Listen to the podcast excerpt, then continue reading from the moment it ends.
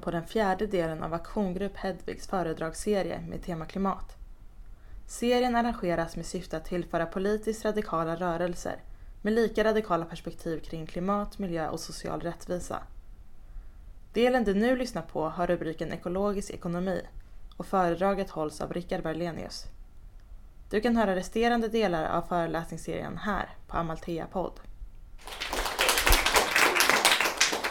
Eh, tack så mycket för introduktionen. En ära att få prata i ett sådant viktigt sammanhang. Kul att ni klimatkampen lever här nere.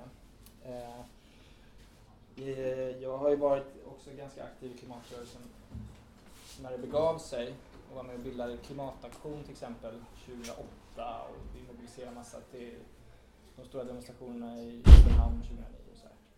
Men ärligt talat så är jag inte så aktiv längre, mer än i hjärtat såklart. Eh, numera är jag framförallt föreläsare på humanekologi har jag varit i Lund och det ser en del gamla bekanta ansikten här. Det är trevligt. Nu är jag på ekonomisk historia i Stockholm tillfälligt. Eh, väldigt pre prekär akademiker, håller på tillfälliga små jobb här och där.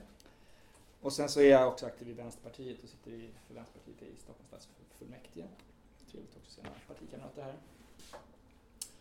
Men temat idag är ekologisk ekonomi, vad jag förstår.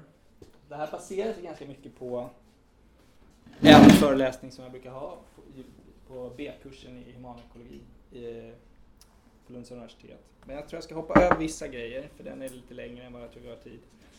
Så jag tänkte inte prata så mycket om så här, ekonomi i största allmänhet. Har ni frågor om det så kör, men ni vet ju ungefär ekonomi, eller hur? Vet man att det är studiet av allokering av knappa resurser mellan konkurrerande mål. Och så vidare. Så jag hoppar över här lite grann i början. Och eh, här tänkte jag börja. Det här är en väldigt vanlig bild i, i stort sett i alla läroböcker om ekonomi. Och det är då en föreställning om att det finns ett samhällsekonomiskt kretslopp. Att det eh, är så att det finns hushåll och det finns företag som möts på två marknader. Arbetsmarknaden, där de byter, hushållen levererar arbete och eh, företagen levererar i första hand löner, men kanske också vinster om man äger aktier och sånt där. Och så finns det en faktormarknad där eh, hushållen köper olika varor ifrån företagen. Så företagen levererar olika grejer, service, olika varor och eh, hushållen betalar. Och så snurrar allting runt i den här modellen i perfekt balans. Och så kan man om man vill utöka den, göra den lite mer komplicerad. Man kan liksom föra till fler sådana här pilar, liksom att staten kommer in och liksom tar ut skatter därifrån, från det här kretsloppet och tillför olika typer av offentliga investeringar, till exempel bygger en skola och sånt. Och man kan dra bort import och lägga till export så har man med utrikeshandeln och, och ja, hushållen kanske inte, kanske inte använder hela sina, alla sina inkomster till att köpa varor utan drar ut en del pengar från det här kretsloppet i form av besparingar. Å andra sidan, de flesta av oss tror jag snarare tvärtom är belånade, i alla fall om vi äger vår bostad så här, har vi stora lån. Då har vi liksom investerat för pengar som inte har och tillfört pengar till det här kretsloppet. Men föreställningen är att det här är liksom en, en modell över hur ekonomin fungerar. Och så länge det liksom är balans så är det också en balans i ekonomin. Men om det liksom är större, mer pengar som dras ut ur marknaden än vad som tillförs den så blir det kris och arbetslöshet och så. Eh, och är det tvärtom, att det liksom kommer in mer pengar i kretsloppet än vad, vad det finns utlopp för, så blir det hås, då blir det överhettning. Då blir det ja, problem för att lönerna stiger och kanske blir inflation och sånt där.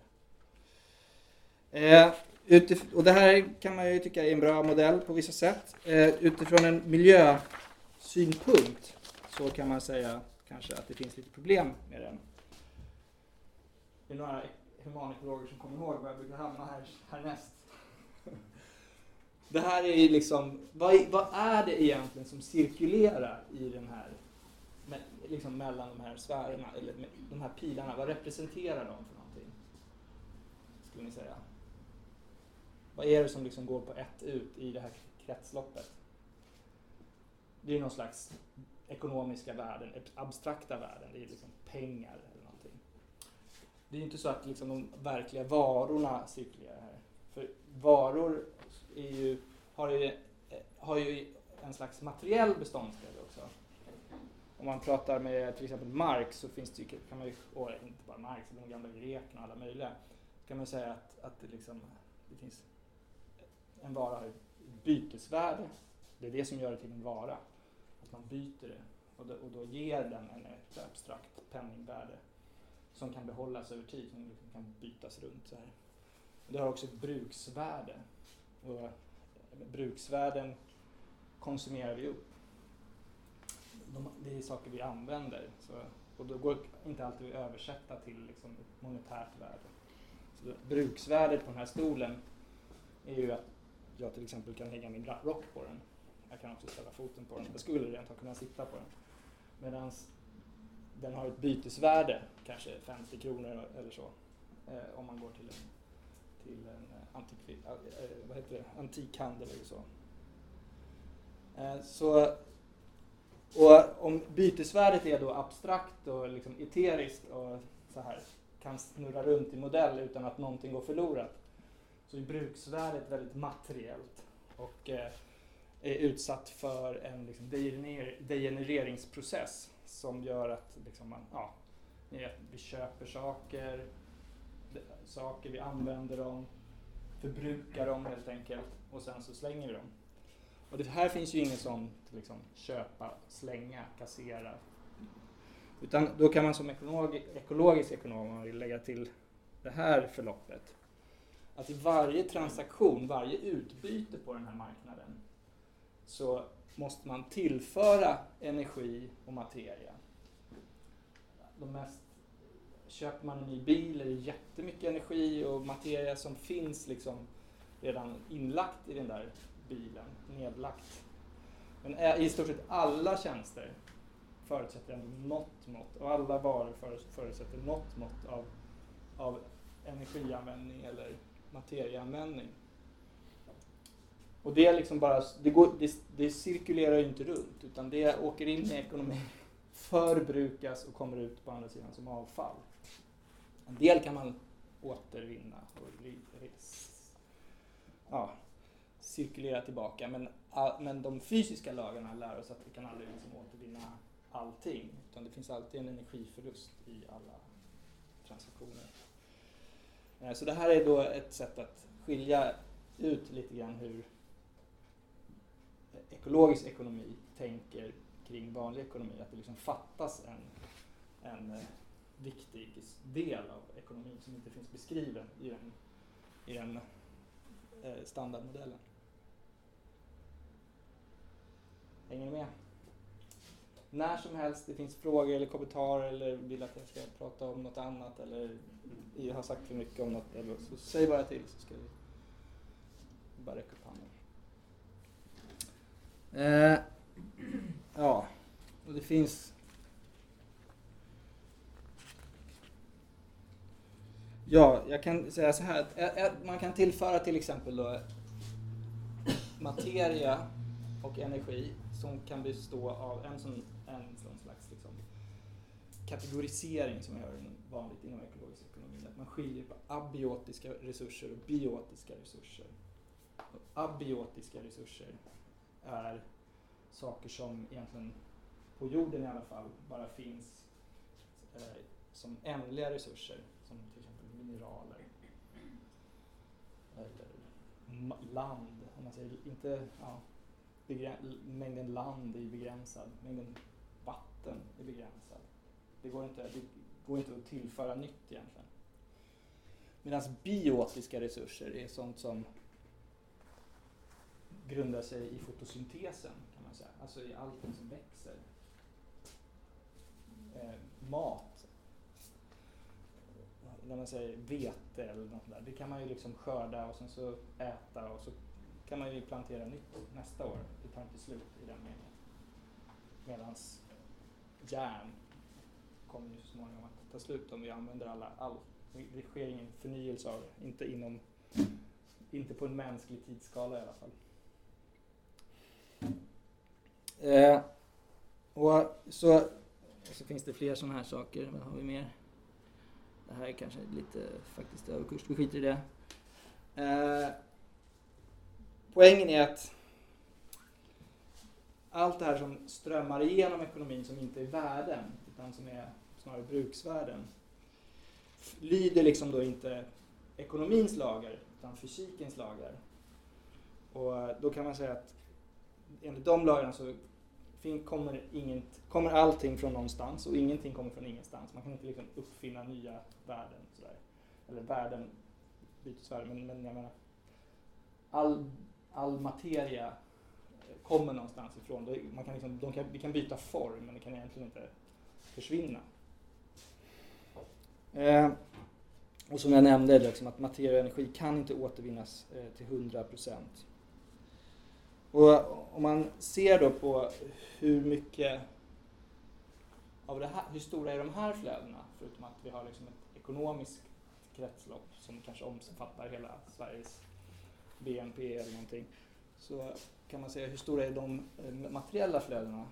kan man räkna på på olika sätt. Men ett sätt att nämna det, det, här, det kan vara en lite gammal uppgift, men jag har skrivit här i alla fall, genomsnittssvensken producerar 429 kilo avfall per år.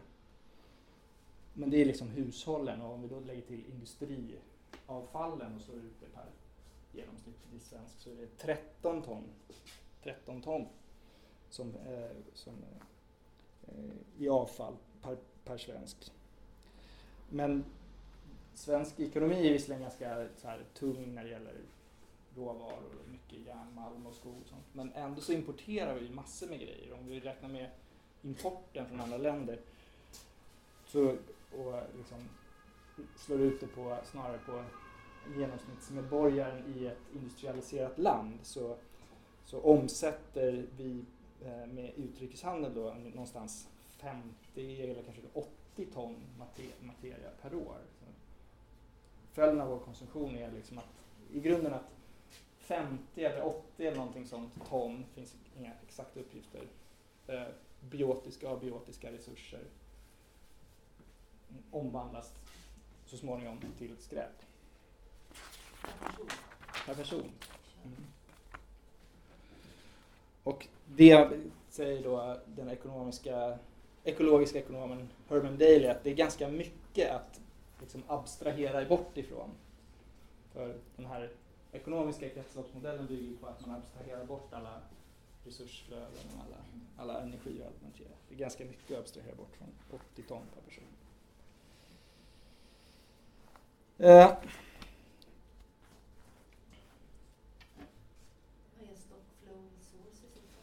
Ja, jag hade inte tänkt gå in på det riktigt, men det är också ett sätt att kategorisera kan man säga, olika typer av varor eller olika resurser.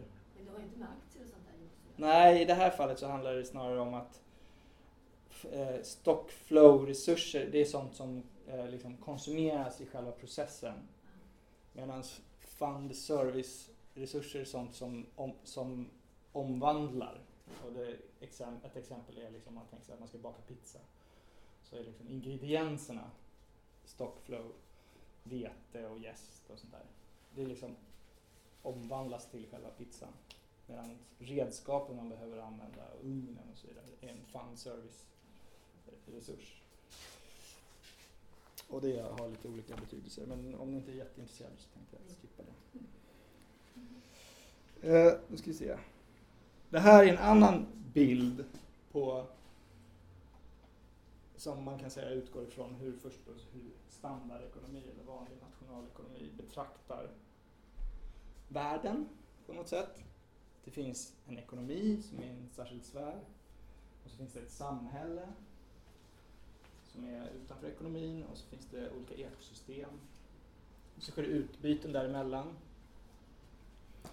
Man kan säga att samhället, ja, lite grann är det de här marknaderna vi pratade om förut, fast det är inte riktigt samma, samma liknelse. Men det, samhället levererar ju då till exempel arbetskraft till ekonomin och, och fungerar som konsumenter av de varor och tjänster som produceras i ekonomin.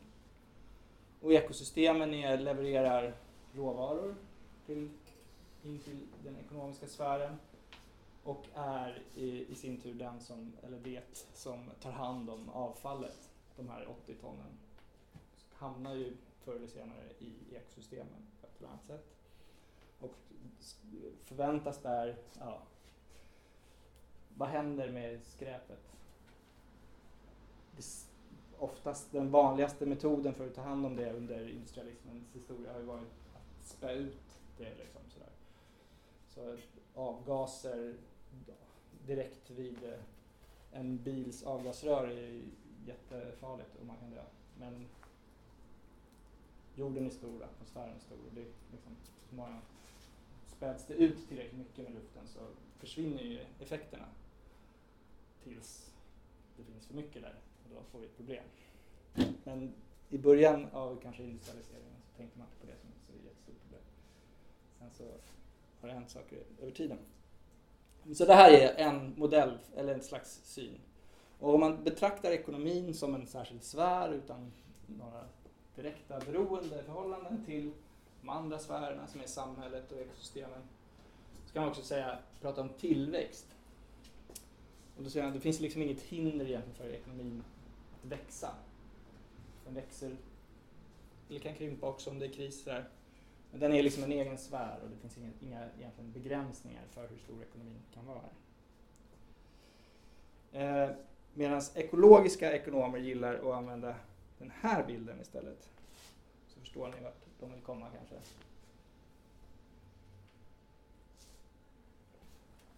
Eh, och då är det ju helt enkelt så att om man betraktar ekonomin som någonting som faktiskt existerar inuti ett samhälle.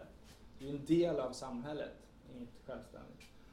Och det mänskliga samhället är ju i sin tur en del av ekosystemen, eller hur? Och de yttersta gränserna här är på något sätt fasta. Det går inte riktigt att expandera ekosystemen. Eller? Om vi tänker oss att vi befinner oss på en planet så är den här planetens utbyte med universum ganska begränsat. Finns det något utbyte med universum? Det finns lite rymdskrot som har lämnat planeten. Det dimper ner lite meteoriter och asteroider. Nej, inte asteroider, det, eller det händer inte så ofta för då blir det jobbigt. Men det finns ju ett väldigt, väldigt litet materiellt utbyte med universum.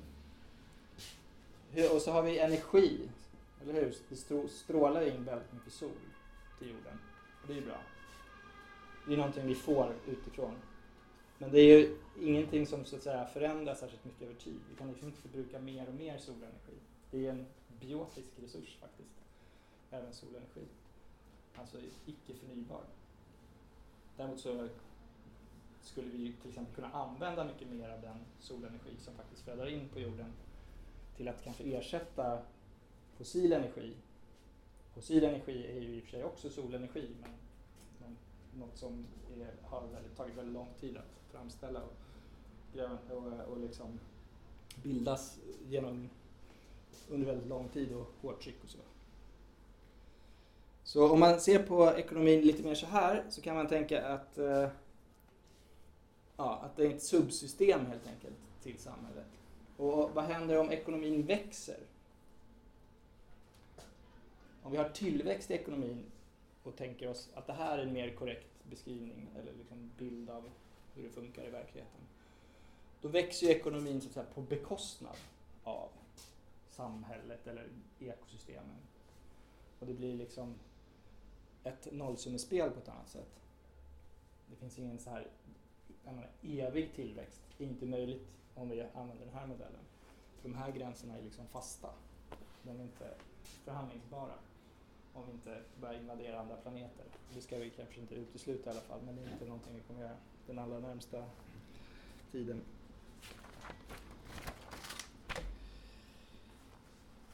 Ja. Och man kan väl säga att ekonomisk... Jag trodde jag hade någonting. Förlåt, jag skulle kolla upp det var ett tag sedan jag pratade om det. Kanske kommer till oss sen. Ja.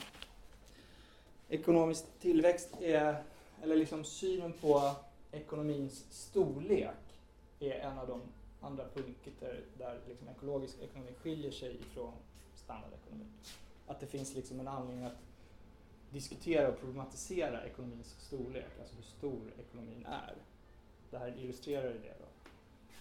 Och att skala är liksom en sak som standardekonomer aldrig egentligen pratar om utan de ja, brukar förutsätta att det är bra med ekonomisk tillväxt medan en ekologisk ekonom, ekonom förhåller sig mer skeptisk till det.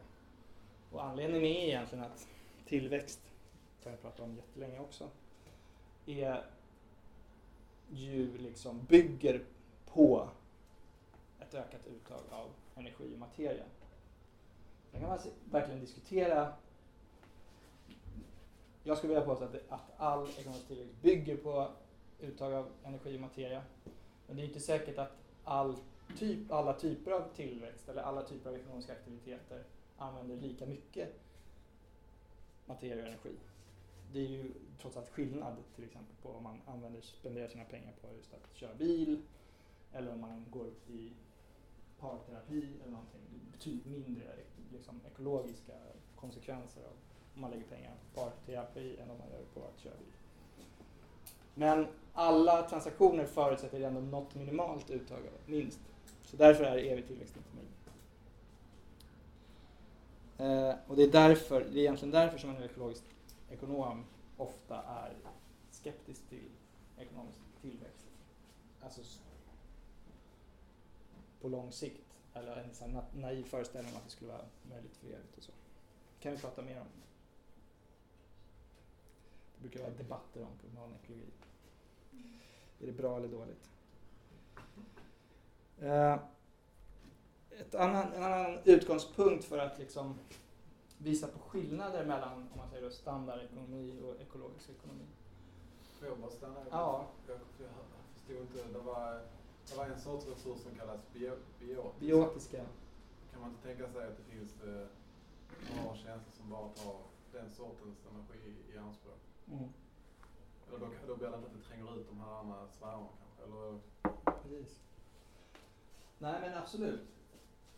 Eh, om vi är beredda att hålla oss till den energi och den materia som så att säga produceras biotiskt så är inte ekonomins storlek nödvändigtvis ett miljöproblem. Men det går inte liksom att expandera det hur mycket som helst. Då expanderar vi kanske in i regnskogarna. Alltså om vi säger att vi använder ja, sädeslag och sånt där och kanske använder, gör etanol av sockerrör för att driva våra bilar och sådär. Då ingår ju det liksom i kretsloppet, det är förnybart liksom och det är ytterst solen, solenergin och fotosyntesen som producerar de här varorna. Men tanken om tillväxt blir ändå komplicerad därför att land är en begränsad resurs. Så vi kan liksom inte expandera den odlade marken till exempel hur mycket som helst utan att ja, man stöter på en massa gränser, till exempel kusten. När, när man har odlat upp alla odlingsbara marker.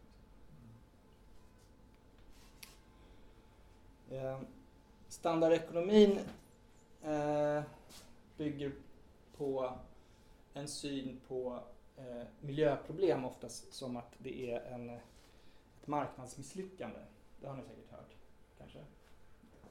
På sin tid blev när klimatfrågan började bli så här stor och viktig omkring 2007 när för IPCC fick Nobels fredspris. Året innan dess kom en berömd ekonom som heter Nicholas Stern med en ekonomisk rapport som visade så här att ja, klimatförändring kommer att få väldigt stora ekonomiska konsekvenser Eh, och därför är det lönsamt att göra någonting åt det. För det kanske låter lite konstigt men den dominerande uppfattningen inom miljöekonomi som är liksom så att standardekonomi fast man håller på med miljö har ju varit att det egentligen inte finns så stor anledning att göra så mycket åt klimatfrågan därför att det är för dyrt. Alltså det kostar för mycket i förhållande till vad det ger. Man kan tänka sig, alltså ett sånt argument är att just om vi har ekonomisk tillväxt och om man liksom utgår ifrån det, att man tänker sig att ja, vi har ekonomisk tillväxt, så kommer det vara för all framtid. Så kan man säga att de som lever i framtiden kommer att vara mycket rikare än vad vi är som lever nu. De kommer att, alltså, menar, har man 2% tillväxt per år, nu vet jag inte det i huvudet, men menar, de som lever om 100 år är säkert 10 gånger rikare än oss då, eller något sånt. Eh, och då är det ju kanske så att då är det lite orättvist liksom, om vi ska hålla på och avstå från konsumtion eller avstå från eller lägga pengar på att lägga ner kolkraft och bygga förnybar energi. Så här. När vi inte får tjäna någonting på det, utan de som tjänar något på det, det är de som kommer sen. Och de har ju mycket mer pengar. De är mycket rikare. Så därför finns ju ingen anledning till att vi ska göra det. Och, så, och det var liksom den dominerande ekonomiska uppfattningen ganska länge. Man tyckte inte klimathotet var så allvarligt, man förstod kanske inte riktigt hur, vilka enorma effekter vi skulle få på sikt och sådär. Och då liksom, ja sådana här räknenissar som, ja men nej. Nej, där, ja, det finns ju en dansk som heter Björn Lomborg. Han håller ju på med det här argumentet fortfarande och får skriva ibland i Svenska Dagbladet och sådär. Nej, det är för dyrt. Eller man kanske jämför det med andra kostnader. Så här, men bara, man kanske räddar, nej, ja, nu bara siffrorna, nu bara som ni tar över huvudet eller så här, ni får inte skriva upp dem. Men om man säger man kanske räddar tio liv om man investerar en miljon kronor i klimatgrejer. Men om vi köper malaria medicin för dem, då räddar vi hundra liv. Så därför ska vi inte göra någonting åt klimatet utan lägga. Sen så oftast de partierna som inte vill göra något åt klimatet, är inte så att de vill tiodubbla biståndet. Men den typen av så här ekonomiska jämförelser kan man ju ägna sig åt om man vill. Och då kommer man ofta fram till att, att det inte är värt att göra någonting åt klimatförändring. Eh, Men i alla fall, Nicholas Stern som kom med den här rapporten, han vände lite på det där. Och, eh, men han använde liksom standardekonomiska metoder och eh, ändrade lite i den räntesats. Det här är också så där, ekonomer är lite knasiga till det men ja. Eh, vad heter det nu då? Det heter någonting. Det är en viss ränta. Vad sa du? Tack. Diskont, diskontot, eller diskonteringsräntan. Som är, den beskriver ju i stort sett, alltså om jag har 100 kronor här idag, om jag, vad, vad är liksom, hur mycket skulle jag vilja ha för att istället få de 100 kronorna om 10 år? Alltså ska man lägga på en ränta. De flesta skulle ju hellre ha 100 kronor idag än 100 kronor om 10 år. Men okej, om jag har 100 kronor idag och får 200 kronor om 10 år. Ja, så den skillnaden är en diskonteringsränta. Alltså fram, det framtida värdet av någonting idag. Så han fibblade lite med den där diskonteringsräntan och kom fram till att eh, kostnaderna för framtida klimatförändring kommer att bli väldigt mycket högre än om man hade en lite lägre diskonteringsränta. Och då blev det liksom lönsamt att göra någonting åt klimatet. Så han menade, Niklas Stern, eh, som var Världsbanksekonom, så att, att, att eh, klimatförändring det är det största marknadsmisslyckandet i mänsklighetens historia.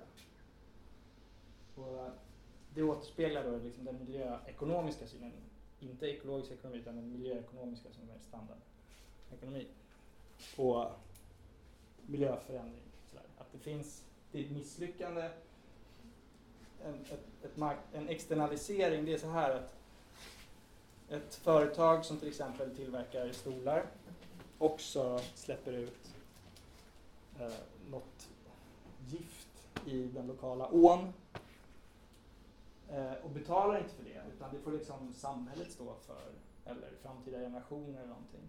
Då har de överfört en social kostnad. Alltså den sociala kostnaden för tillverkningen av stolen är större, högre än vad som återspelas i priset. Man liksom struntat i att betala för att ta hand om det där miljögiftet utan lagt över det på samhället. Och då är det ett marknadsmisslyckande. För att priset återspeglar inte den verkliga kostnaden. Och då har företaget med ett annat ord externaliserat den här kostnaden. Förlagt den utanför sig själv, externt. Externaliserat. Och lösningen på det här då är naturligtvis internalisera den kostnaden. Så att man lägger till exempel, samhället lägger en skatt på den här stolen som motsvarar den samhälleliga kostnaden för miljögifter som företaget släppte ut i år. Då blir det för samhället så att säga kostnadsneutralt. Så det är väldigt mycket av det som miljöpolitik går ut på, att använda olika ekonomiska styrmedel och sånt. Ehm,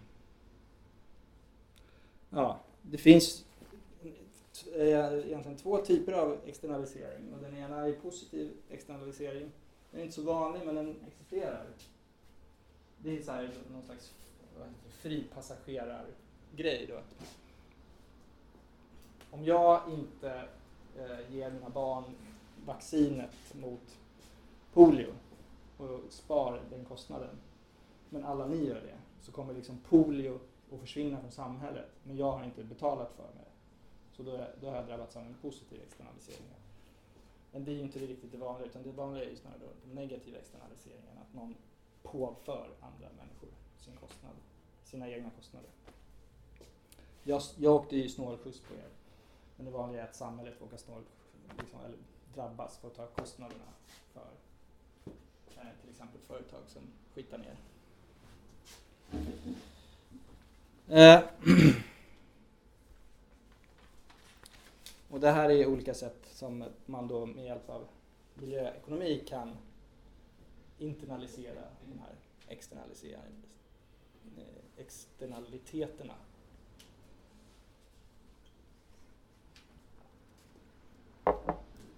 Eh, pigovianska avgifter, det är helt enkelt en, en, en skatt som till exempel koldioxidskatt.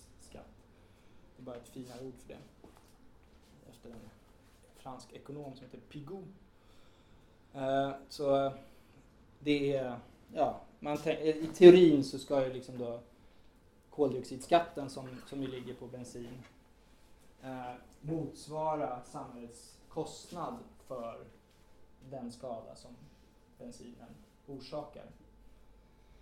Eh, det är då en slags pigoviansk skatt. Och utsläppshandel känner ni till, det är ungefär som, eller ja, det är, en, det är ett annat sätt att internalisera de kostnaderna. Men som EUs utsläppshandel till exempel. Att alla stora utsläppare i Europa, stålverk, kraftvärmeverk, eh, pappersindustri och sånt, får tilldelat sig ett antal utsläppsrätter. Och tanken är att ja, det finns bara utsläppsrätter som motsvarar en viss mängd utsläpp som förhoppningsvis ska vara hållbar, alltså klimatmässigt hållbar, inte påverka klimatet. Och sen så får de liksom handla med de här utsläppsrätterna. Men, i, men liksom det totala taket hålls då, så att man får inte göra utsläpp om man inte har köpt utsläppsrätter. Ja. Används det fortfarande? Är det någon som tänker att det är liksom, alltså inom EU, tycker någon fortfarande att det här är bra? Alltså även in på ja, den? Det är, det är, det är, du antyder att det har varit ett problem kanske med den här utsläppshandeln? Eller? det har varit väldigt stora problem och grunden är väl egentligen att ja, man kan tycka vad man vill om själva modellen men för att den ska ha en poäng överhuvudtaget så ska det ju finnas en brist på utsläppsrätter i systemet, eller hur? Så att man liksom, då företagen är pressade att minska sina utsläpp ner till en hållbar nivå. Men om det inte finns en brist i systemet så sjunker ju priset på de här utsläppsrätterna, de blir nästan värdelösa. Och fortsätter utsläppen i alla fall. Och det, det där är, det är ganska svårrattat därför att dels så är EU består ju av en massa länder och alla länder liksom förhandlar för sina egna industrier och så tenderar taket att bli liksom högre än vad som är, vore optimalt utifrån, utifrån liksom en klimatsynpunkt. Men sen kan det också hända olika saker. Så det som hände nu under den förra perioden av sån här utsläppshandel, det var ju att den här stora ekonomiska krisen 2008. Och om det finns, det var redan liksom lite överskott på utsläppsrätter i systemet. Och så kommer den här ekonomiska krisen, vad händer då? Jo, då liksom finns det mindre efterfrågan på olika industriprodukter för att folk har förlorat jobbet och man köper mindre el och sådär. Och så då liksom sjunker ju produkt, produktionen i samhället och då finns det plötsligt ja, massor med utsläppsrätter som ingen behöver och då sjunker priset jättemycket igen. Det är ett komplicerat system men det är ett försök att i alla fall internalisera externaliteter.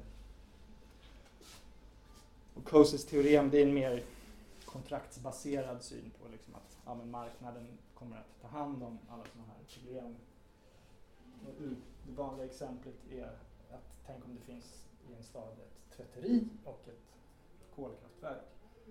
Och kolkraftverket spyr ut eh, rök som gör att tvätteriet lakan som någon tvättar blir nedsmutsade och det uppstår en kostnad. Och då är tanken att marknaden kan lösa det här helt utan inblandning av staten genom att tvätteriet skickar räkningen till kolkraftverket eller upprättar något slags kontrakt. Men det där funkar ju möjligen kanske då om det finns väldigt starka lagar som gör det möjligt för det här tryckeriet, tvätteriet att rå på kolkraftverket. Och det funkar så länge det finns någon Eh, representant för så att säga, de som drabbas av nedsmutsningen. Men om det är så att till exempel det är våra barnbarn som drabbas av nedsmutsningen av atmosfären eller utsläppen av växthusgaser i atmosfären så kan inte de skicka en räkning till kolkraftverket eller upprätta ett kontrakt med kolkraftverket idag. Så alla de här har ju sina lite problem. Även en skatt kanske känns som det rakaste sättet att hantera det på men det är ändå väldigt svårt att exakt räkna ut hur hög en skatt ska vara för att motsvara den samhälleliga kostnaden av ett utsläpp. Eh, och vi kan ju ägna oss åt att jag har ett exempel här som jag kan, dra. Det kanske börjar bli dags att avrunda, men en liten stund till bara. Eh, nu ska vi se. Jo, vad bör då skatten på bensin och diesel vara? Vad, vilka vilka så att säga, sociala kostnader kan ni komma på orsakar bensin och diesel? Alltså vilka kostnader som inte direkt drabbar bensinbolagen medför eh, man kan ju vidga det till hela liksom, här, privatbilismen. Eller så. Har vi några förslag? Ja. Kanske oren Ja, massa människor som dör av det också. Mm. Utsläppen är inte bara av koldioxid som har liksom i sig någon slags kostnad på lång sikt på grund av klimatförändring men också partiklar och sånt där som gör att tusentals människor dör. Fler sociala kostnader som bilismen vältrar över på samhället. Av, av själva bränslet. Orsakar stora miljöskador, definitivt. Eh, på många ställen. Med förstörda dricksvattentäkter och massa grejer. Infrastrukturbyggare? Ja, absolut. Vägar, parkeringar, själva bara utrymmet i stan. Vad är kostnaden för liksom, eh, om alla, liksom, all gatumark som används åt bilar. Jag tror att det är typ hälften i de flesta staden, städer. Om de så att säga betalade en rimlig hyra. Det är ganska dyrt att hyra mark i innerstan. Några storstäder. Eh, buller kanske? Vad sa du? Buller. Buller, absolut. Som vi säger i Stockholm.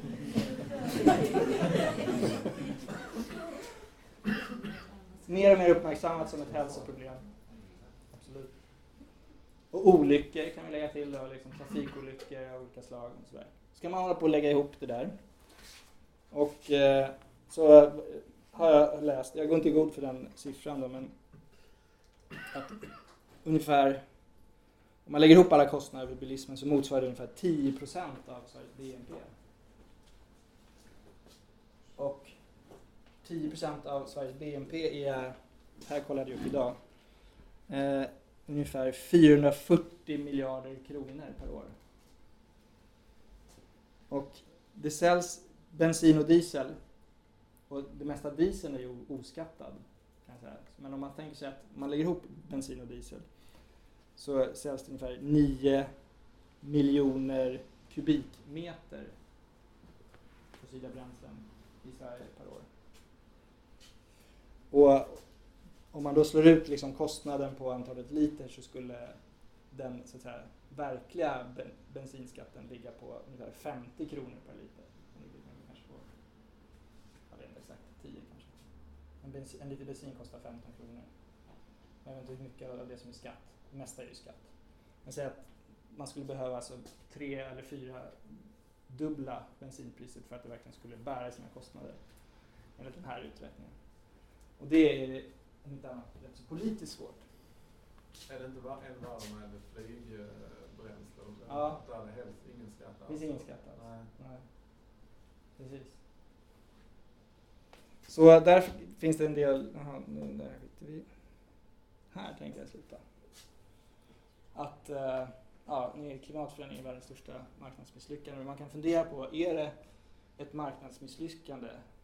Joan Martinez Allier till exempel, han säger att det är ju inget egentligen marknads, alltså det är inget misslyckande för marknaden att man kan vältra över liksom, den största delen av sina kostnader på samhället utan det är ju en lyckad kostnadsöverföring.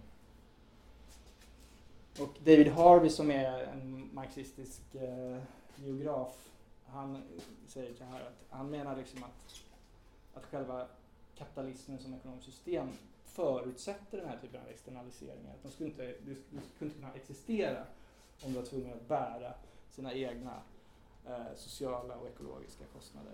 Så kapital, kapitalet skulle tvingas att internalisera dem. Och för, förutom miljökostnader så är det också sociala kostnader till exempel för arbet, arbetare som slits ut i produktionen som samhället behöver ta hand om eh, med pension och med eh, kanske arbetsskadeförsäkringar och sånt. Och massa sådana. Så då skulle kapitalismen gå i konkurs, det är den enkla sanningen.